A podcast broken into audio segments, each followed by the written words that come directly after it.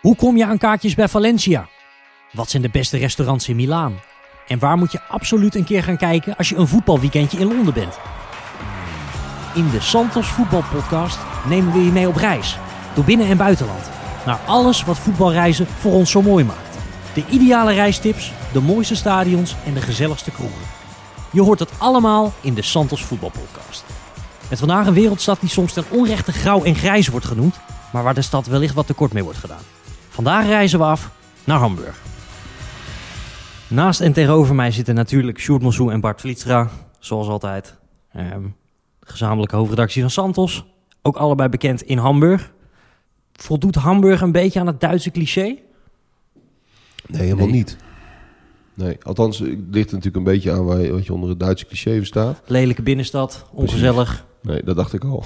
dat je dat bedoelde. Nee, niet dus. Nee, Hamburg is echt eh, met Berlijn, eh, nou ja, volgens mij zijn we het daarover eens. eh, veruit de leukste stad van Duitsland. Ja, Hamburg heeft een beetje het imago dat het te koud is in de winter. Dat komt door de nabijheid van de Noordzee en de Oostzee.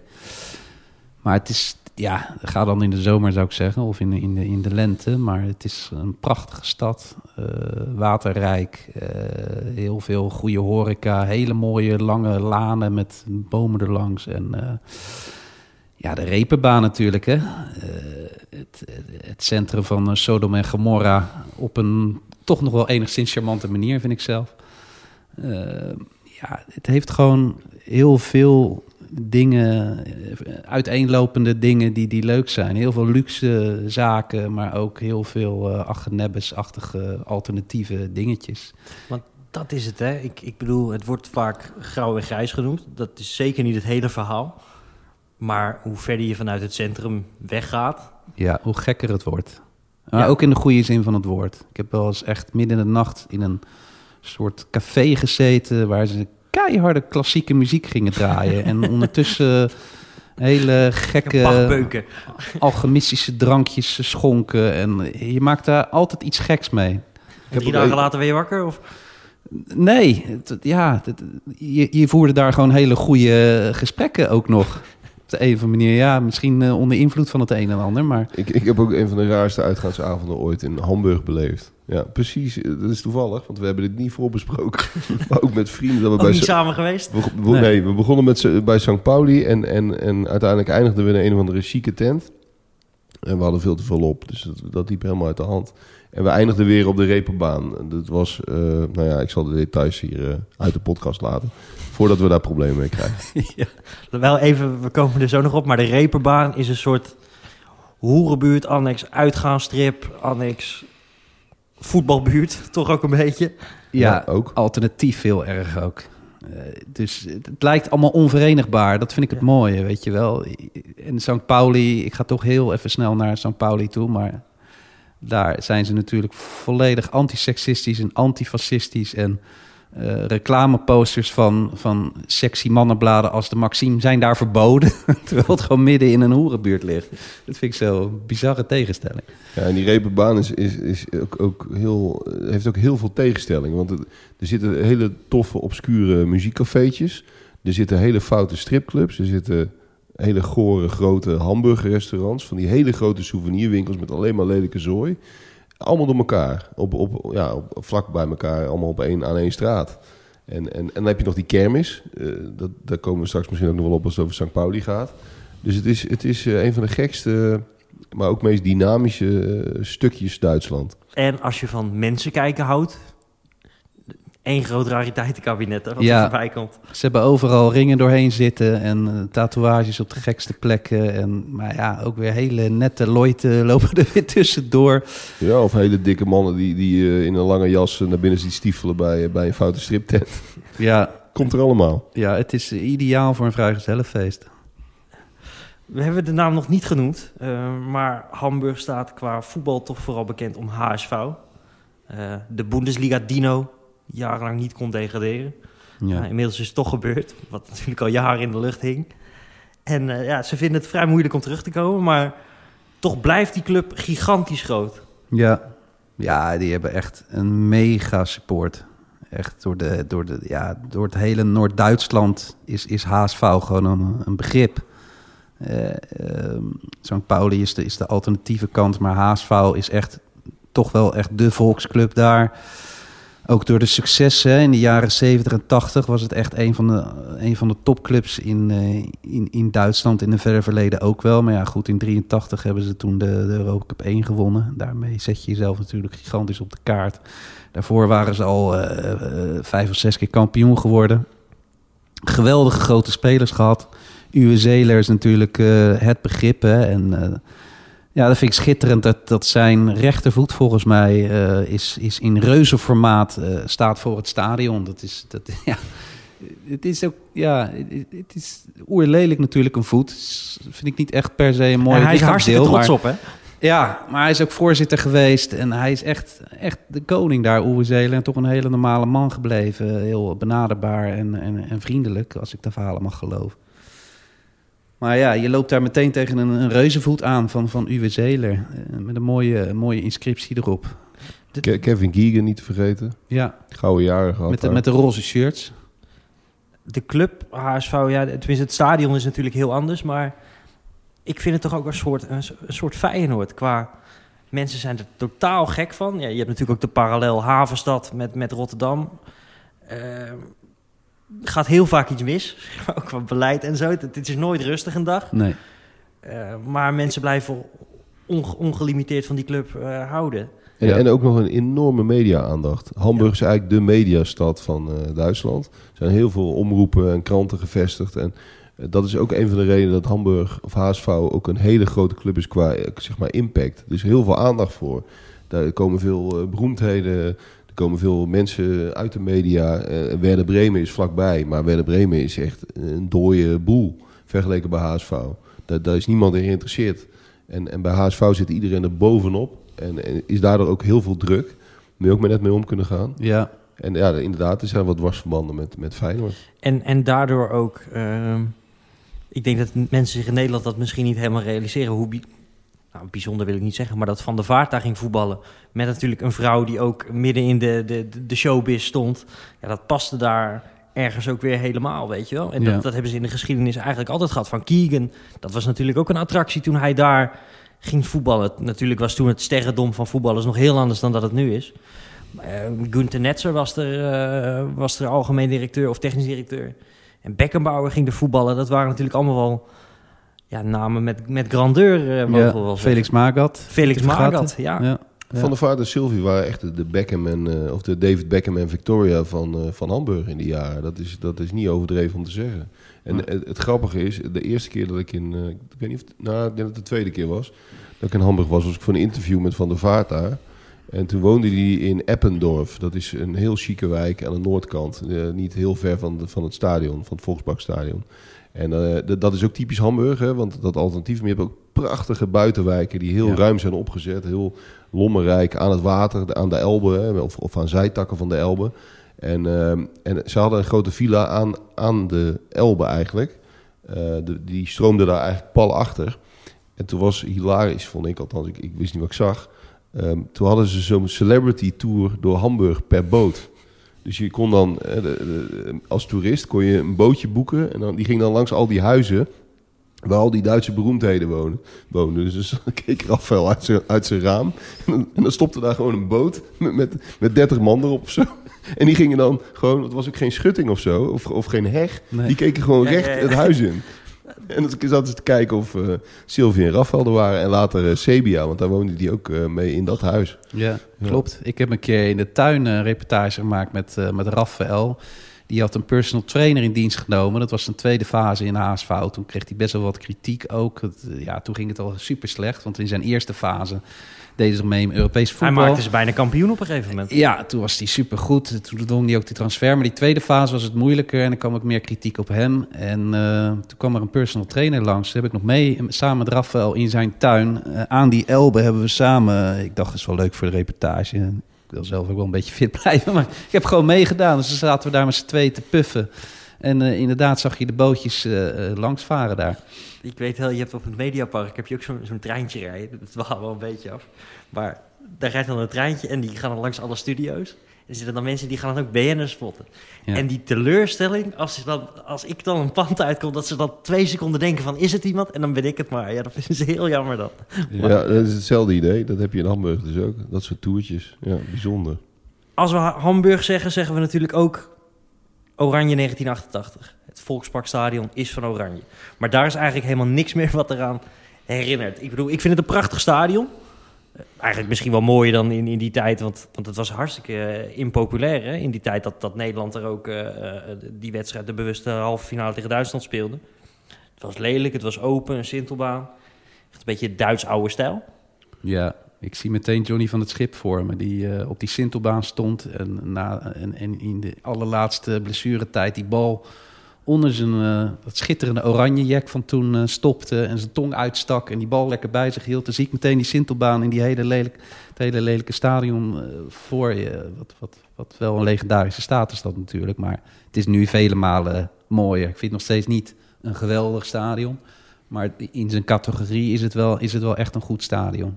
Ja, het, is een beetje, het is een beetje hetzelfde als wat, eh, wat je bij Schalke had. Hè? Daar had je natuurlijk het, het Parkstadion. Dat was ook zo'n oude, oude bende. En eh, dat was het met het oude Volksparkstadion ook eigenlijk. En ze hebben een beetje in dezelfde periode... hebben ze toen een helemaal nieuw stadion eh, gekregen. En ik moet wel zeggen, ik vind het, het nieuwe Volksparkstadion... veel toffer dan de Arena of Schalke. En Ja. dat zit hem vooral in het feit dat die tribunes beginnen heel laag in Hamburg. Dus je ziet wel echt dicht op het veld. Je ziet Geen ook dak. Geen dak. Je ziet ook eh, eh, op tv ziet het er veel beter uit, doordat het publiek veel lager eh, zit. Dus ik vind inderdaad in de categorie zeg maar wat nieuwere Duitse stadions, die toch wel vaak een beetje ook op elkaar lijken. Hè? Ook Frankfurt en zo, dat is allemaal een beetje hetzelfde. Hannover. Eh, is dit wel een van de mooiere. En, wat- een van wat- de meest sfeervolle. Ja, wat esthetisch ook mooi is, is dat het uitvak loopt eigenlijk van boven naar beneden in een soort vaantjesvorm. Ja, klopt. Dus dat loopt als, als een Zo'n soort gigantische puntzak. V. Ja. Ja, een soort puntzak friet. eh, zo loopt het naar beneden. Dus dan zie je, zie je overal blauw en wit. Want ze hebben allemaal een shirt aan van Hamburg.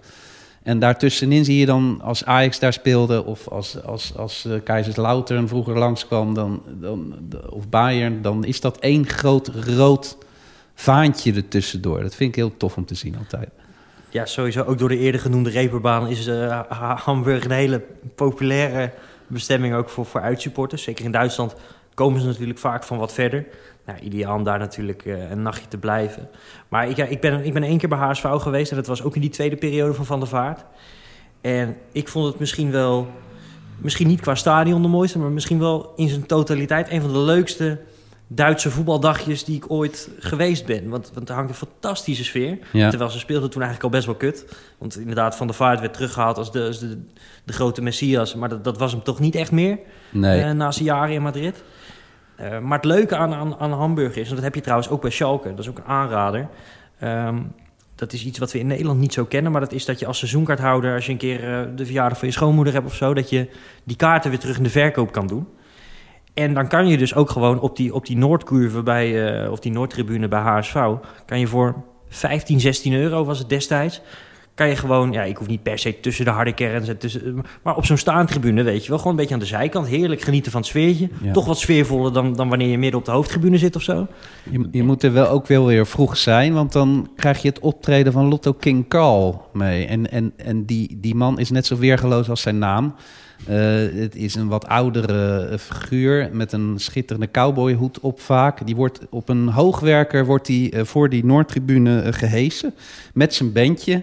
En dan gaat hij het eh, HSV-lied spelen. En dat is een lied waarbij ze eigenlijk alle, alle andere grote clubs in Duitsland belachelijk maken. Maar dat lied werd eigenlijk steeds belachelijker, omdat de HSV steeds verder wegzakte en nog een paar narrow escapes heeft gehad eh, tegen de degradatie. Maar ja, ze werden steeds slechter. En, en dat, dat lied werd steeds eh, belachelijker natuurlijk. Waarbij ze Bayern zaten af te zeiken en, eh, en, en, en alle andere grote clubs. Zijn zestiende. Precies, en, en kijk, eh, ons is, en wij, en ze hadden natuurlijk die klokken die, die, die aftelden van hoeveel Ja. jaar ze wel niet eh, in de Bundesliga speelden. En ze zouden nooit degraderen. Maar dat is maar- ook wel heerlijk als je niet voor HSV bent, zeg maar. Ja. Dat, ja hoe, hoe, hoe grote broek kan je jezelf aantrekken? Ik denk dat hij het nog steeds zingt trouwens, Lotto King Carl. Het is wel een schitterende naam. En ook een prototype foute Duitse artiest natuurlijk.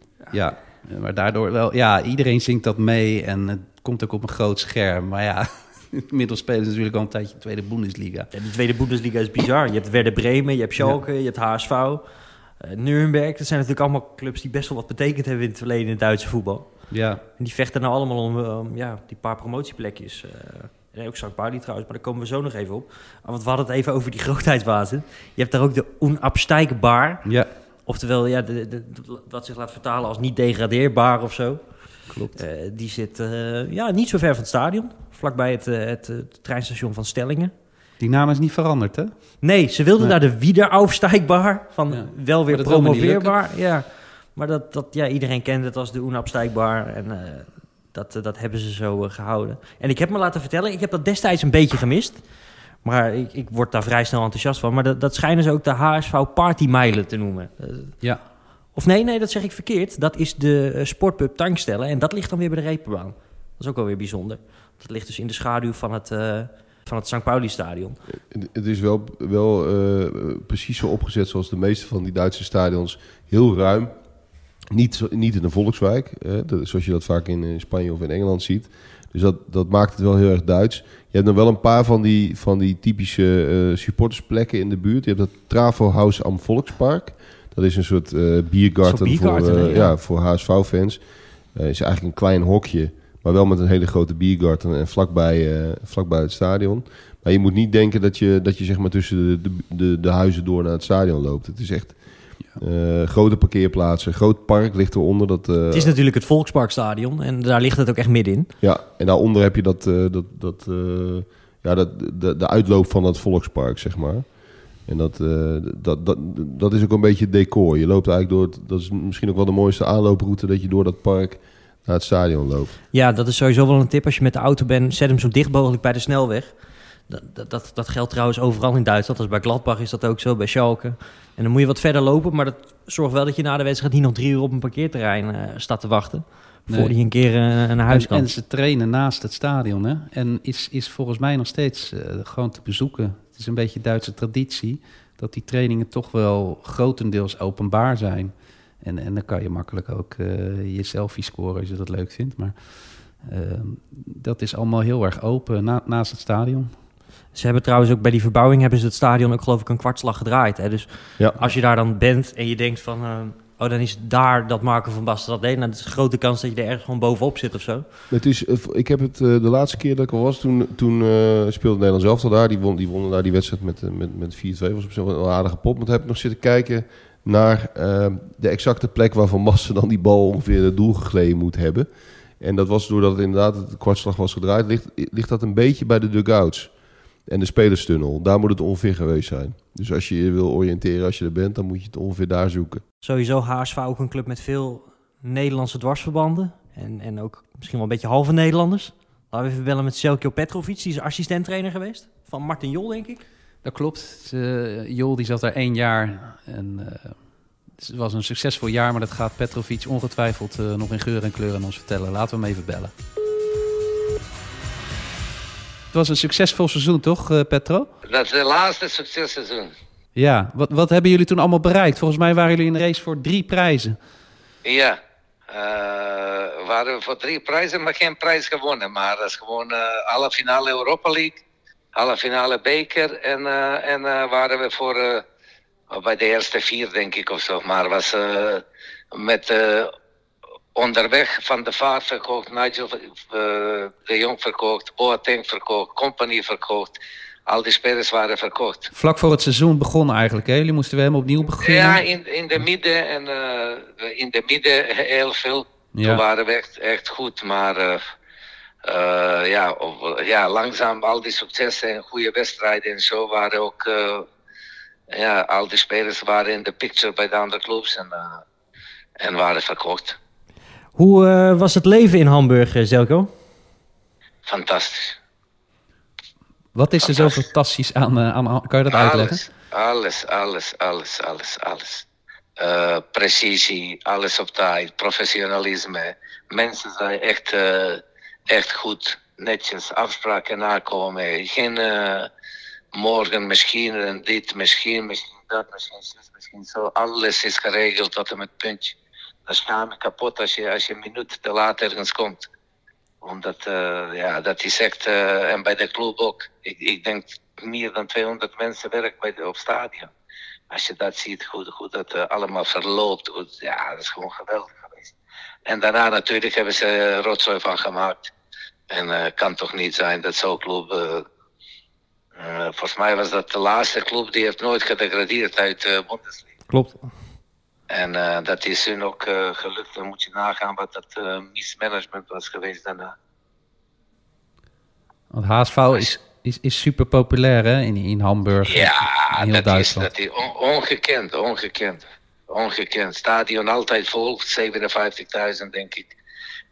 Ja, goed, die mensen van de club houden. En als je naar voorbereiding gaat voor de seizoen, overal er spelen is gewoon duizenden supporters. Die gaan niet op vakantie. Die, hun vakantie is dat ze Hamburg kijken in de voorbereiding. Al die, al die wedstrijdjes. En uh, mag niet uit waar. Het is gewoon eh, geweldig. Echt geweldig. En, en als we het voetbal even, even parkeren. Hoe, hoe was het? Je hebt in veel mooie steden gewoond, geleefd. Hoe, hoe, was, Ja, het, hoe was het daar om te leven naast het voetbal? Ja, een van de mooiste. Ik vind eh, persoonlijk veel mooier dan Londen of weet ik veel wat. In Londen, eh, eh, als, dat, als, als rijke man, of man met veel geld kan je heel veel bereiken, veel zien, overal binnenkomen. Maar als normale mens, na een paar dagen heb je al die gebouwen gezien.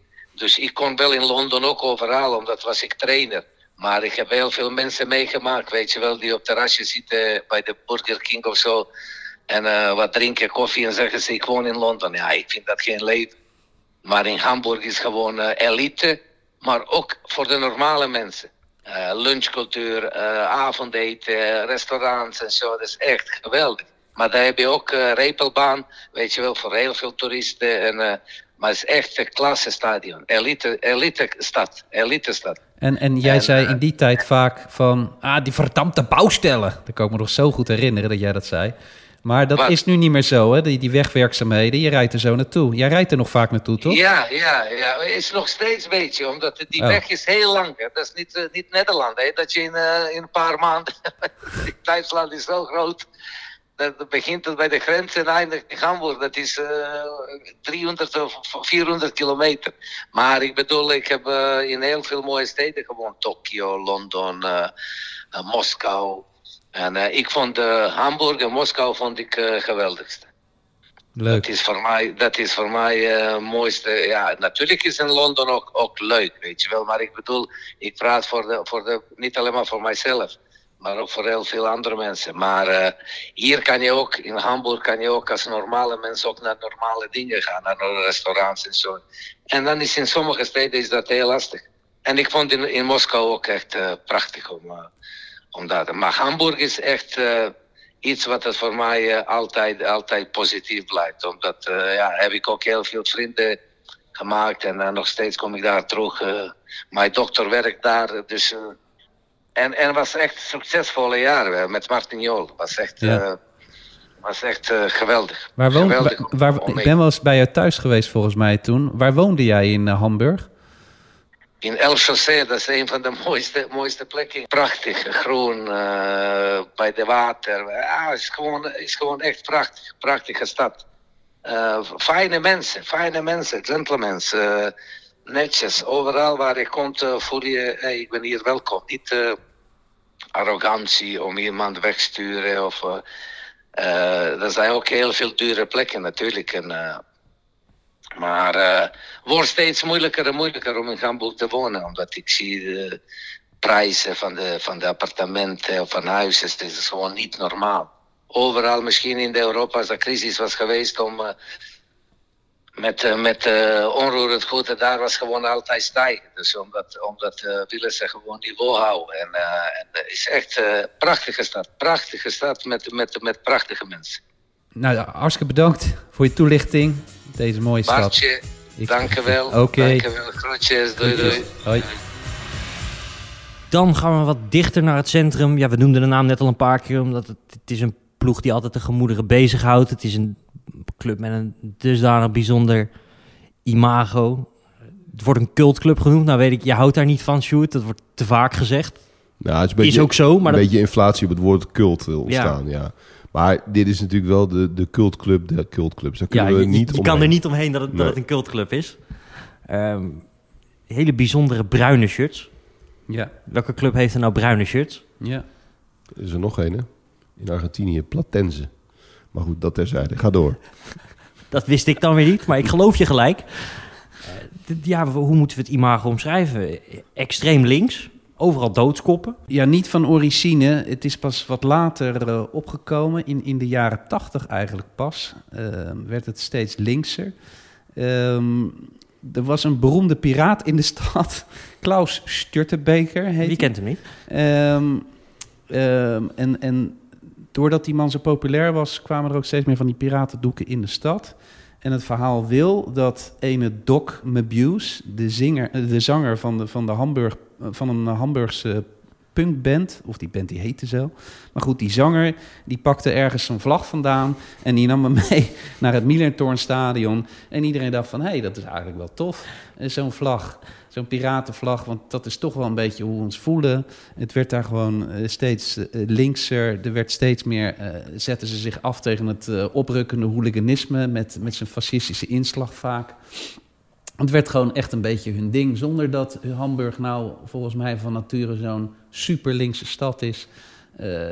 hebben ze zich dat eigen gemaakt als een soort tegenbeweging van de, ja, van, van de steeds racistische, homofobe eh, inslag van veel hardcore voetbalfans. Maar we hadden het net even over het rariteitenkabinet. In Hamburg loopt dus, of liep dus een piraat rond. Ja, er liep een piraat rond.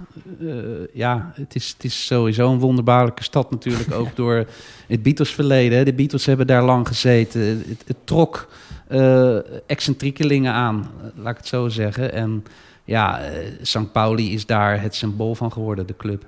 Je noemde de Beatles. Je hebt daar geloof ik ook de Beatlesplatz nog, hè? Dat, en daar zit zo'n club waar ze geloof ik een jaar hebben gespeeld.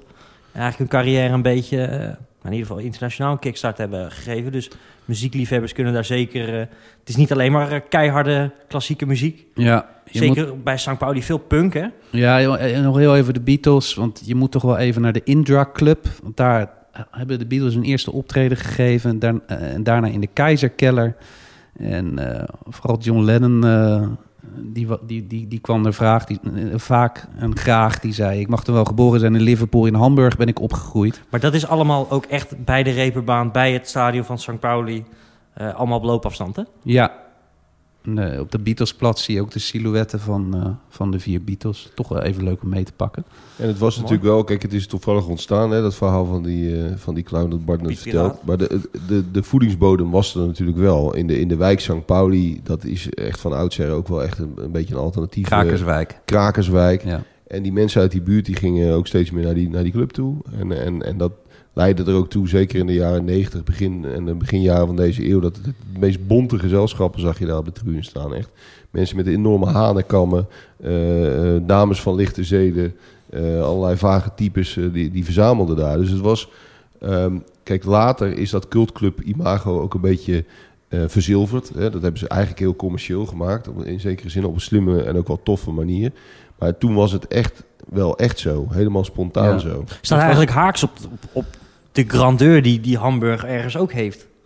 Ja, dat, dat zei ik in het begin ook. Dat, dat is een stad van tegenstellingen. En inderdaad, eh, alle mensen die op de reperbaan eh, zich lekker zichzelf konden zijn... die gingen zeg maar uitbrakken bij St. Pauli de volgende dag, weet je wel. Die zaten daar een beetje hun kater te verdrijven. En ja, eh, van Lieverlee werd er ook steeds meer punkmuziek gedraaid. Eh, kwamen er steeds meer uitingen. Het versterkte elkaar natuurlijk. Hè, de alternatievelingen die dachten van... hé, hey, dat, dat is nou ook nog een voetbalclub... Ja, waar ik mezelf kan zijn. En dat, en dat werd steeds, eh, ja, steeds extremer in dat opzicht. En een gek, eh, gek eh, stadion in de zin dat het Milantor... dat is inmiddels eh, behoorlijk verbouwd tot best wel... nog steeds een leuk stadion, maar redelijk, modern. En het was echt, dat was ook allemaal oude zooi. Die tribunes ja, die hingen met plakband aan elkaar. Je, had dat, je hebt daar achter dat doel heb je die, die Veldstrasse bunker. Dat is een bunker uit de Tweede Wereldoorlog. Dat is een heel massief, mas- een enorm groot gebouw. Nou, daar Dat is, niet, dat is niet een bunker zoals we hier ook in Nederland hebben staan. Dat is gewoon een gebouw van 30 meter hoog. hè? Ja, precies. En dat, dat, dat was wel heel eh, tekenend voor zeg maar, eh, ja, het totaalbeeld van dat stadion. Dat zag je altijd op al die foto's achter dat doel staan. En vaak, St. Pauli is heel vaak uitverkocht. Moeten we het straks nog even over hebben, over de kaartjes. Maar eh, vaak gingen supporters gewoon op het dak van die bunker staan om die wedstrijden te kijken, weet je wel. En je had zo'n hele gekke toren. Zo'n soort, ja, dat was ook een soort krakerstoren. Alsof, alsof die... lukraak omhoog was gebouwd met allemaal van die, eh, van die stellingen, van die stellages. Ja, daar hingen van die piratenvlaggen aan en zo. Het was, Daar stonden ook gewoon mensen, toch? ja, die klommen er ook gewoon ja. in. Ja. En dat, dat waren dan veredelde, dat werd in de volksmond, werd dan een beetje gekscherend, de skyboxen van de Milan-toren werd dat genoemd. ja. En eh, ja, dat, dat was wel echt heel bijzonder. Dus het is een, je, kunt niet, je kunt er niet omheen dat het een unieke club is waar je echt een keer geweest moet zijn. Het, het is ook wel een beetje grappig, want ze zijn dan natuurlijk heel erg anti-commercie en dergelijke. Maar die shirts van St. Pauli, die kom je echt over de hele wereld tegen Ja. met die doodskop en zo. Ja, het zijn ook gewoon geweldige shirts. Er zijn ook heel veel eh, bands eh, die, eh, die, die, die dat shirt dragen. hè. Het is al bijna niet origineel meer om te doen, maar de editors onder meer, Dropkick Murphys hebben echt een, een samenwerkingsverband zijn die aangegaan met, met St. Pauli. De Gaslight Anthem heeft eigenlijk hetzelfde logo, zo'n zo, zo, zo'n piratenvlag. En eh, die bassist of die, of die gitarist die loopt ook heel vaak in zo'n St. Pauli shirt eh, rond. En het is een gekke tegenstelling, hè? want het, het, het heeft dat linksige. Maar dat, dat hele imago is wel zo briljant verzilverd. Hè? Ook die fanshop. Kijk, de meeste fanshops zijn heel saai en eh, het zijn allemaal een beetje hetzelfde. Maar ook dat is helemaal, die imago van die club is helemaal doorgevoerd in de fanshop. Het is alsof je een soort donker eh, rockhol binnenkomt. Er staat keiharde muziek aan. Eh, ze hebben natuurlijk ook hele toffe merchandise met al die doodskoppen, met dat bruin. Ze hebben ook originele dingen vaak, wat gekke dingen die ze dan bedacht hebben. Maar het is echt alsof je een, een, soort eh, rockwinkel binnen, binnenloopt. Maar dat is natuurlijk eigenlijk allemaal gewoon eh, commercie en, en, marketing, ja. marketing geworden.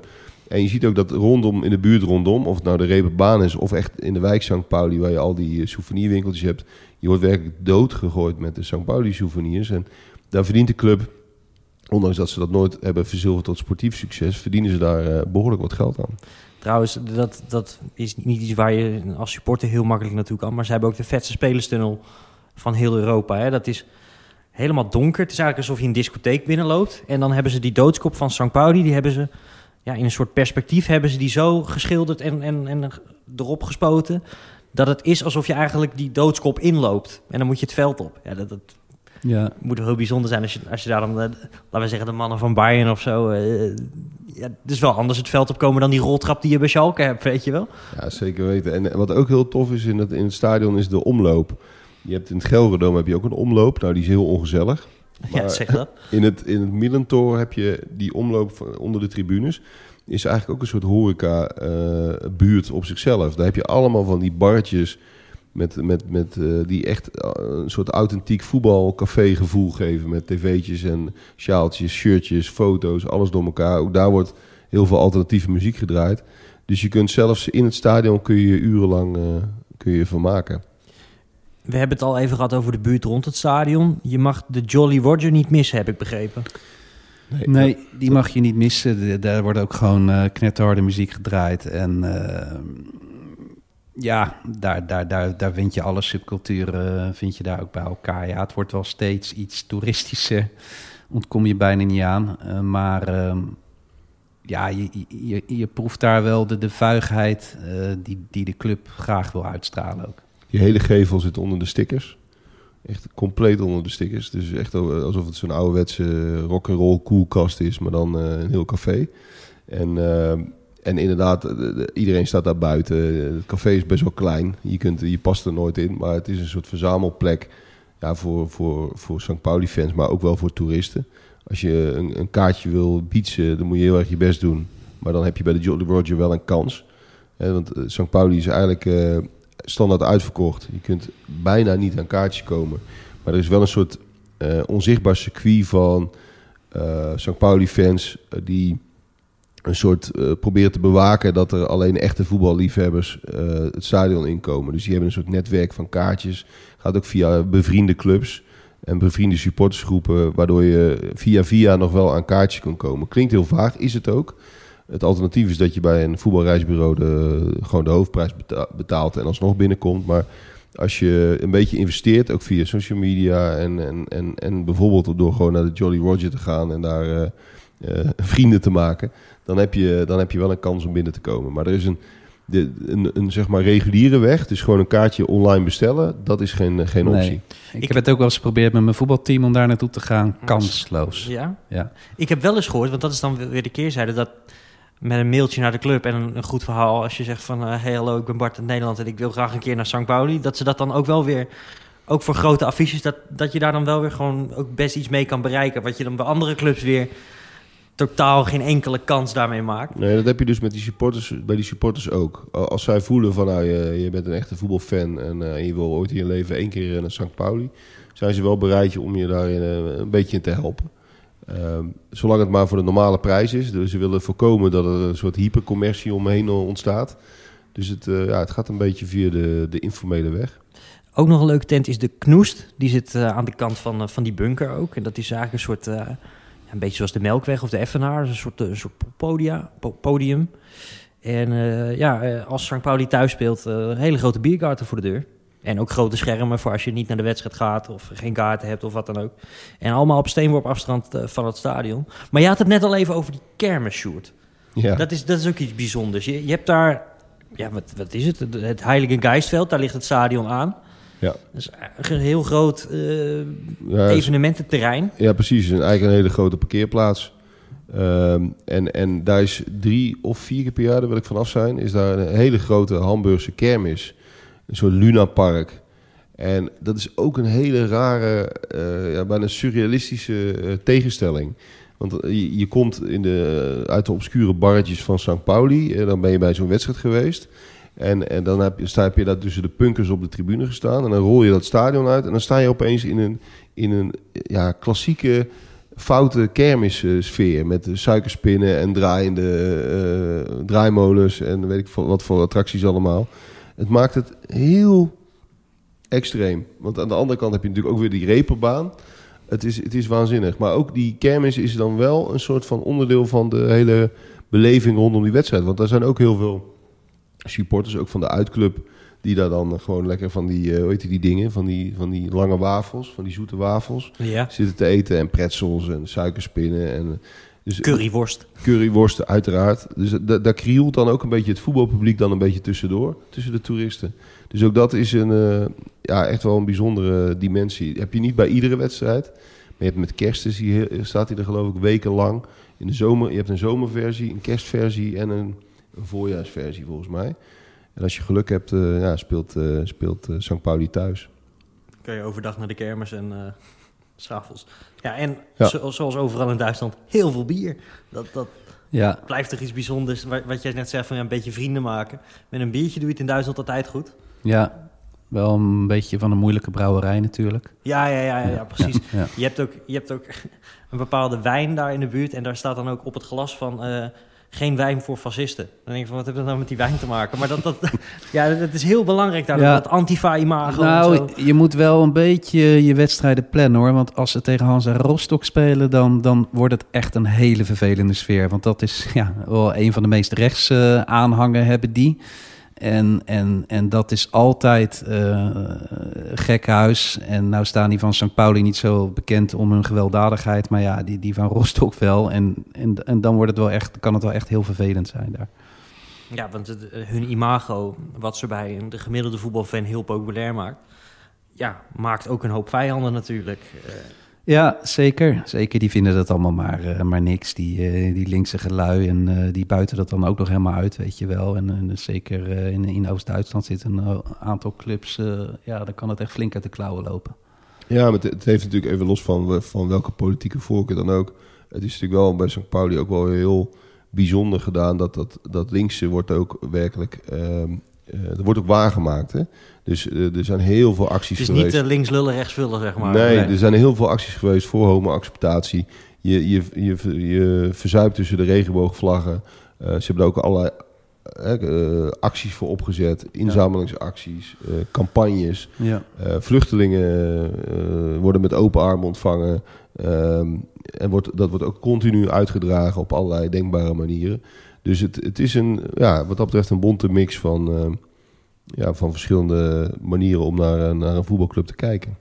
Je kan daar ook zelf een keer gaan voetballen. Hè? Als jij min of meer geregistreerd fan bent uit het buitenland, heb je in de zomer uh, het Antira-toernooi, antiracisme toernooi. En dan verzamelen zich allerlei fans uit de hele wereld en die nemen het tegen elkaar op. En dan eh, treden er geweldige bands ook op. Eh, Rise Against onder meer. Ehm, en ja, dat is echt een, eh, een schitterende happening.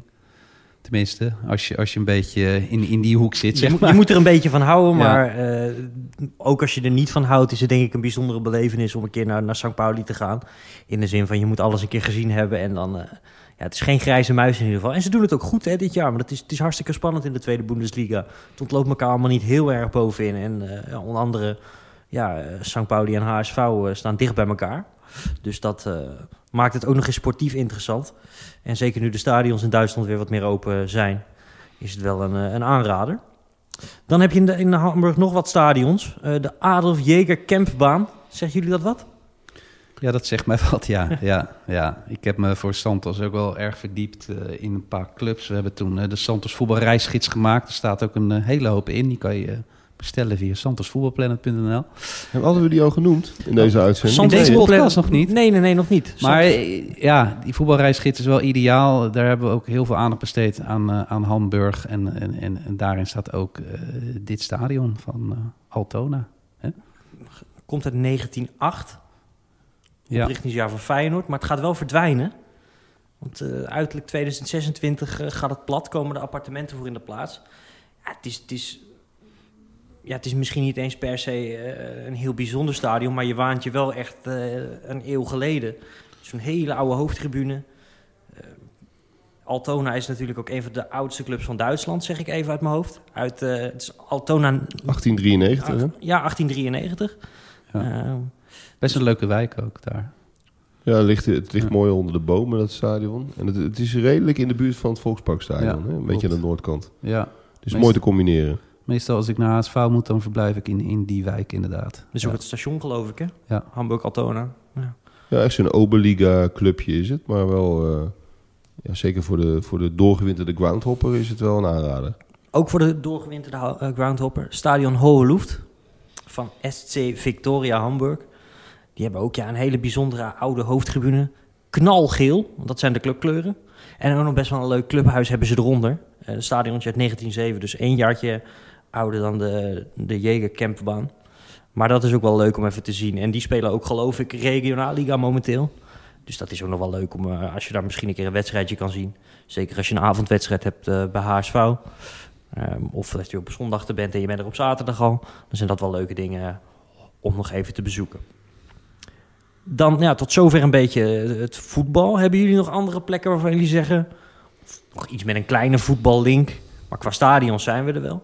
Nou, qua, qua wat een leuke buurt is, is dat Chansenviertel. Dat is eh, een beetje de hippe wijk van Hamburg. Daar zitten heel veel toffe winkeltjes, cafeetjes. Dus als je met, eh, met je vriendin of met je vriend eh, een avondje uit wil, dan moet je daar zijn. Maar er zijn meer van dat soort wijken. Maar Ja. dit is een van de, van de bekendste en de hipste, Een hele maar. toffe vlooienmarkt hebben ze daar ook iedere week zo'n beetje. Geweldig uitgaansleven. Je kan naar Alters Meetjen gaan, dat is een, dat is een prima tent. Wijn drinken bij Witwenbal. En eh, steak eten bij eh, Die Boelerij. Dat zit eh, recht tegenover het metrostation. Of een cocktailtje drinken bij Frits Baug. Wie kent hem niet? Kennen jullie Soeswasser? Nee. Die ken ik dan weer niet. Dat zit aan de Elbe, wel aan de stadkant. En dat is een, een, een restaurantje en met uitzicht over de Elbe dan en op allemaal van die, van die havenkranen.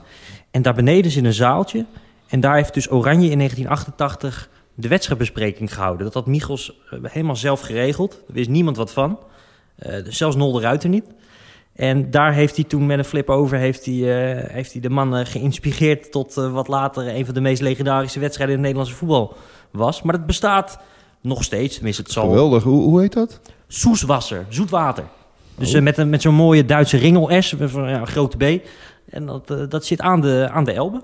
En dat, laat ik het zo zeggen, ik weet niet of het een heel bijzonder restaurant is. Dus eh, Rob Geus pin me er niet op vast. Maar het is wel een plek met een hele bijzondere Nederlandse voetbalgeschiedenis. En dat, dat weten niet heel veel mensen. Ja, het is, het is, eh, je hebt uitzicht op de haven van Hamburg. Ja, Ja, het is een beetje een traditioneel Duits restaurant. Ja, ik zit ondertussen natuurlijk even op te zoeken. Maar bedankt voor deze schitterende tip, ja die, die is leuk hè? Ja, Die, eh, die, die, die kende ik nog niet. Nee? En je hebt wat, wat ook nog de moeite waard is, is de, de Gerhardstrasse. Dat is de, de, de HSV Partymeile. wordt dat genoemd. Dus eigenlijk gewoon een straat niet zo heel ver van het Volksparkstadion... waar veel cafés zijn en waar veel eh, fans van HSV, daar hebben we het over... eh, zich, eh, zich verzamelen om een beetje in te drinken. Dus Dat, dat is bij de Reperbaan, toch? is dat zo? Even kijken. Dat is ook niet, niet heel ver van het Volksparkstadion. Daar zit ook die, die sportpuur, de tankstellen. Waar Ja, de, de ja, harde ja. kern graag Ja. komt. Het is, ja, het is, niet, het is niet heel ver van de Reeperbaan, maar het ligt een beetje tussen de Reeperbaan en het stadion in. Hè? Dat is een beetje de locatie. Maar mensen moeten het vooral even opzoeken op Google Maps. De Gerhardstrasse, daar moet je zijn voor de... Dan ben ik een beetje de war. Denk, want die tankstellen, dat ligt echt tussen de, tussen de bordelen, zeg maar. En dat is dus eigenlijk echt een, een fanatieke HSV-kroeg. Midden in de wijk St. Pauli. Dus, dus een zijstraatje van de, van de Reeperbaan. En eh, ja, dat zie je aan de buitenkant al, helemaal blauw-wit. En in het interieur laat er ook geen enkele twijfel over bestaan... eh, voor welke club ze daar zijn. Dus dat is ook wel grappig om, eh, om naartoe te gaan. En wat ik ook bijzonder vind in Duitsland... dat, dat zou hier nooit kunnen. Daar zou eh, binnen een week een brandbom naar binnen gaan. Je hebt daar ook bijvoorbeeld een, een echte Werder Bremen bar... En, en een Einunddreißig, dat is een echte Dortmund bar. Dat vinden de fans van Dortmund natuurlijk geweldig. Ja, nu kunnen ze even niet naar Hamburg, maar als ze uitspeelden bij HSV, die gingen dan allemaal daarheen. Want als je daar binnenloopt, is het net alsof je in Dortmund een kroeg eh, binnenloopt. Want helemaal geel-zwart en shirts aan de muur van, eh, van, van BVB. En eh, ja, dat zou in Nederland, je kan je toch niet voorstellen dat er, dat er een, een, een Ajax-bar opent op de meent in Rotterdam. Ja, hoe lang ze dat goed zou.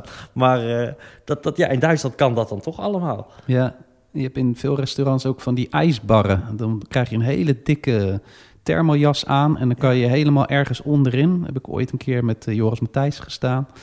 Ehm, die, die speelde toen een tijdje niet, laat ik maar zeggen. En ehm, ja, dan ga je daar beneden en dan kun je daar uh, wegtikken. En dan ga je gewoon weer naar boven en dan ga je weer rustig eten. Als je het dan toch hebt over uh, voetballers waar je die tegen kan komen. Fischerijhaven, restaurant, zit ook aan de Elbe. Eigenlijk niet eens zo ver van dat tentje van het Nederlands elftal vandaan. En daar komen ze echt allemaal, zowel de, de voetballers of voetbalgerelateerden... van, van Günther Netzer tot, tot, tot Bekkenbauer en Uwe Zeeler. Het is ook zo'n zo restaurant waar zeg maar elke semi-bekendheid die een keer binnen geweest is... gelijk op de foto moet en aan de muur hangt, weet je wel? Ja. Maar uh, ook Jurgen Klopp, Stefan Effenberg. Maar ook voor de muziekliefhebbers, Sting, uh, Rod Stewart. En mijn favoriet, die is daar vaste gast, Scooter. Scooter. De, de foute Duitser onder Hyper, de foute. Duitser. De foutste Duitser onder de foute Duitsers. Ja, dat, uh, die, die woont daar blijkbaar in de buurt en die mag daar graag komen. En, maar het schijnt ook echt goed eten te zijn. Dus uh, we horen graag van luisteraars die dat een keer de proef op de som gaan nemen. Of dat ook echt zo is. Maar dat kan nog wel interessant zijn als je een keer in Hamburg bent. Ja, je hebt toch de, de, de Austen-Alster. Dat is dat, zeg maar dat binnenmeer uh, in Hamburg. En daar rondom, daar kun je ook prachtig wonen. En daar wonen ook een beetje de celebrities. Dus als je per se Sylvie Meis wil tegenkomen, dan moet je daar gaan zoeken. Ja, of die boot dus nemen. Die, bo die boot is sowieso een geweldig idee. Overigens is dat officieel, dat moet ik even uh, een kleine correctie. Officieel is dat niet de Elbe, want die loopt natuurlijk horizontaal de stad uh, in. Het heeft allerlei vertakkingen. En dit is dan weer een, uh, ik geloof dat het de, de Alster is of zo, die dan langs het Eppendorf loopt. Maar dat moeten mensen maar even gewoon uh, zelf opzoeken. Maar daar, daar vaart wel die boot. Schitterend. Ik uh, ben weer heel wat wijzer geworden dankzij jullie over Hamburg. Ik hoop dat de luisteraars er ook wat aan hebben gehad. En uh, ja, het mag sportief in Hamburg momenteel wat, uh, wat minder gaan. Het blijft een fantastische voetbalstad om een keer naartoe te gaan. En ook voor meer dan alleen het voetbal. Ja. En vlakbij uh, Nederland, hè? Vanuit Groningen ben je dus, Ja, hè? dat ook. Ja, dat, Niet onbelangrijk. Die ene keer dat ik er ben geweest, eigenlijk ook echt een halve tour geweest. Dan zijn we echt om zeven uur s ochtends vertrokken naar HSV gegaan en s'avonds weer terug. Dus achteraf doodzonde, want het, het, is een ideale weekendstad ook. Het is geen Parijs of Londen waar je een week naartoe moet om alles een beetje te zien, of Berlijn. Uh, maar het, het, het, is wel een heerlijke stad om uh, te vertoeven. Ja, onderweg kan je eventueel nog langs Bremen gaan. En je hebt Hannover nog enigszins in de buurt. Meppen kom je ook langs als je via Emmen rijdt. Ook een leuke club. Ja, dat hebben Mogelijkheden te over. Ja, een keer in Osnabrück heb je daar ook. Bielefeld met een beetje Münster. Zeg maar allemaal een beetje op de route. Maar inderdaad, zeker vanuit Groningen ben je er... Uh, ben je in Bremen, ben je, ben je zo. En dan is Hamburg ook niet heel ver weg meer. Nee. Nou, dit was de Santos Voetbal podcast voor deze week. Wil je nou nog meer weten over welke belangrijke voetbalstad in Europa en ver daarbuiten dan ook? Ga dan even naar santosvoetbalplanet.nl. Daar uh, houden we je op de hoogte met leuke tips over voetbalreisjes die je kan maken. En vertellen we je alles over de mooiste voetbalsteden van Europa. Uh, jongens, hartstikke bedankt voor deze week. Volgende week zijn we er weer met dan weer een nieuwe voetbalstad. Waar we je dan jullie helemaal over bijpraten. Tot volgende week.